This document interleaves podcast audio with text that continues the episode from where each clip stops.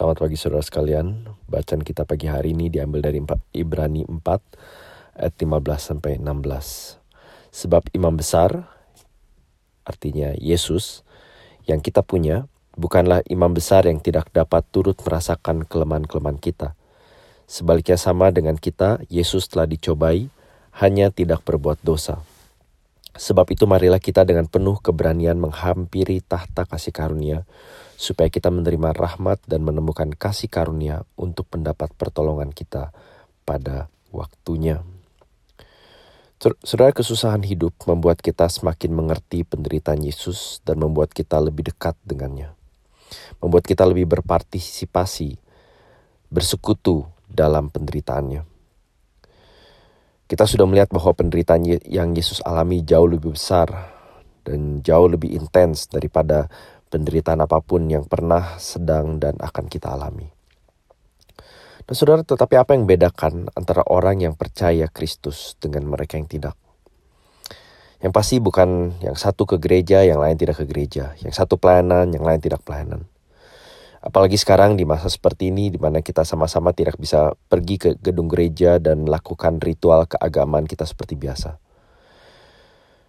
Apakah dengan tidak lagi ke gereja itu kita membuat kita berhenti menjadi orang Kristen atau pengikut Kristus? Tentu tidak, bukan. Nah, salah satu tema yang muncul berulang kali waktu bicara dengan uh, jemaat yang sekarang harus mengurung diri di rumah dan melakukan hampir semua kegiatan secara virtual. Mereka berulang kali mengatakan bahwa sekarang mereka mulai memikirkan hal-hal yang esensial, yang penting Maksudnya, apa yang penting dalam hidup ini? Apa sih artinya menjadi pengikut Kristus? Kalau aku tidak lagi bisa ke gereja, tidak lagi berkumpul, dan tidak lagi melayani bersama-sama. Saudara, perbedaan yang paling signifikan adalah bahwa orang Kristen yang sejati mau semakin mengenal dan mengikuti Yesus. Inilah yang Paulus katakan di dalam suratnya kepada jemaat di Filipi, pasal 3, ayat yang ke-10. Yang ku kehendaki ialah pertama, mengenal dia dan kuasa kebangkitannya. Kedua, persekutuan dalam penderitaannya, di mana Paulus mengatakan di mana aku menjadi ketiga serupa dengan dia dalam kematiannya. Nah, salah satu aspek iman Kristen yang paling unik terletak di sini, bahwa menjadi pengikut Kristus adalah suatu proses mengenal dan mengikuti Yesus.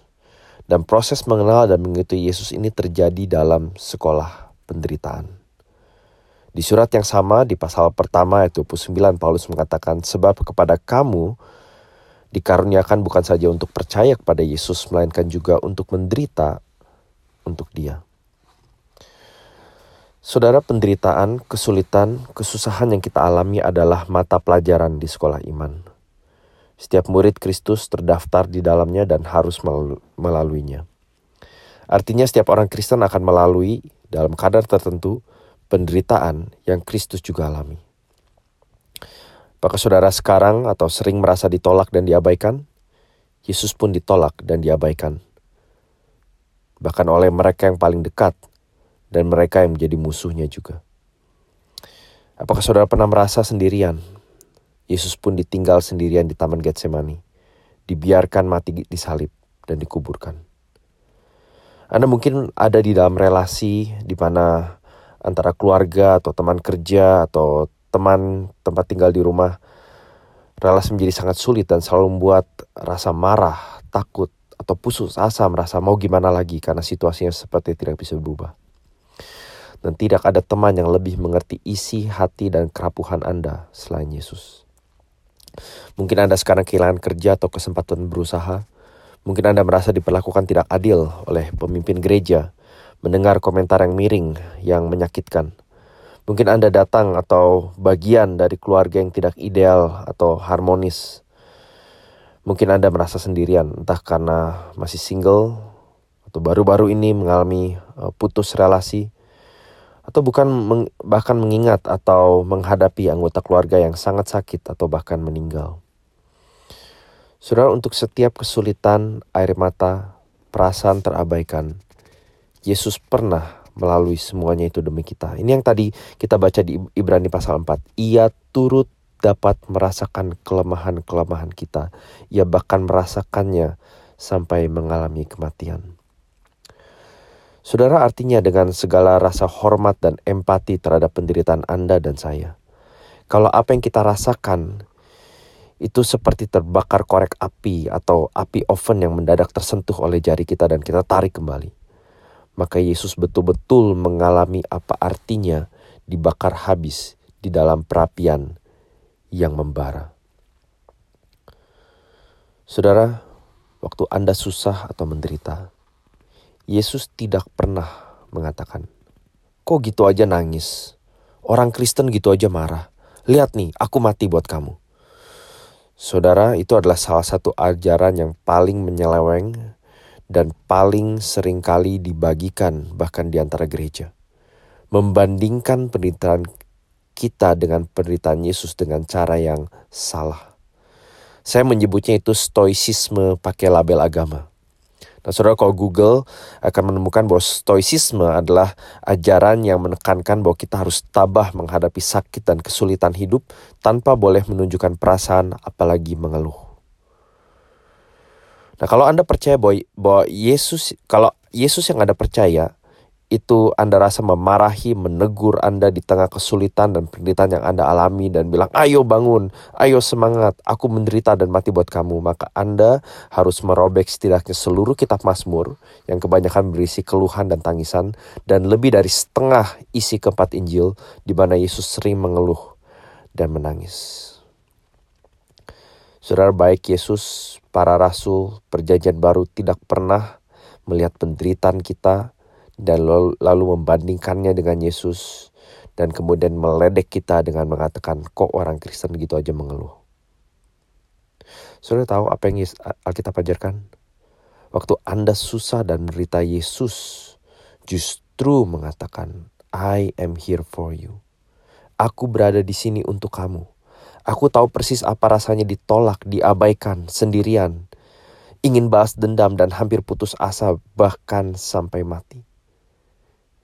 Saudara Yesus justru mengatakan, bawalah keluhan, rasa kesal, rasa kosong, rasa marah itu kepadaku, karena aku mau mendengar semuanya dan mengajarmu bertumbuh di sekolah penderitaanku. Saudara, ketabahan menghadapi kesulitan yang ketabahan yang berdasarkan Injil adalah ketabahan di mana kita menghadapi sakit dan kesulitan bukan dengan mengabaikan, tetapi justru mengakui kelemahan kita, kemanusiaan kita. Kemanusiaan kita yang punya rasa, yang punya perasaan dan bisa mengeluh. Tetapi juga mengakui kebesaran Kristus yang kuat, yang telah dan turut merasakan penderitaan kita. Bukan untuk meledek dan membandingkannya dengan penderitaan kita yang relatif jauh lebih kecil. Tetapi justru supaya melalui semua itu. Dia mau kita tahu bahwa dia turut merasakannya dan dia mengajak kita untuk semakin mengenal dia. Tuhan Yesus kami bersyukur bahwa sebagai anak-anak Allah dan sebagai pengikut-pengikutmu, Engkau menempatkan kami di jalur yang sama yang Engkau lalui juga. Jalur penderitaan, kesendirian, dan kesusahan. Kami tahu secara natur kami tidak mau menderita, kami secara asalnya adalah orang-orang yang manja, yang lebih suka nyaman dan hidup dan selalu mencari pilihan yang sebisa mungkin memaksimalkan kenikmatan, kenyamanan dan uh, segala bentuk um, rasa aman yang dapat kami alami. Dan kalaupun kami mau menghadapi kesulitan dan tantangan, kami sering kali lebih menghadapinya dengan stoicisme berlabel agama di mana kami mengatakan aku harus kuat, aku bisa. Tapi kami melupakan bahwa Engkau mengerti kemanusiaan dan kelemahan kami. Engkau tidak menolak segala jenis komentar kami yang salah yang sering kali kami sampaikan atau lontarkan dengan iman yang cetek. Engkau tidak menganggap remeh keluhan dan pertanyaan kami padamu. Engkau tidak menganggap kecil segala derajat kesulitan dan rasa sakit dan ketidakberdayaan yang kami alami. Setiap tetes mata air mata kami engkau perhatikan. Engkau melihat ke dalam lubuk hati kami dan melihat walaupun betul hati kami adalah hati yang berdosa dan bengkok dan selalu mencari keinginannya sendiri. Tapi engkau telah membasuh dan mencucikannya dengan darahmu.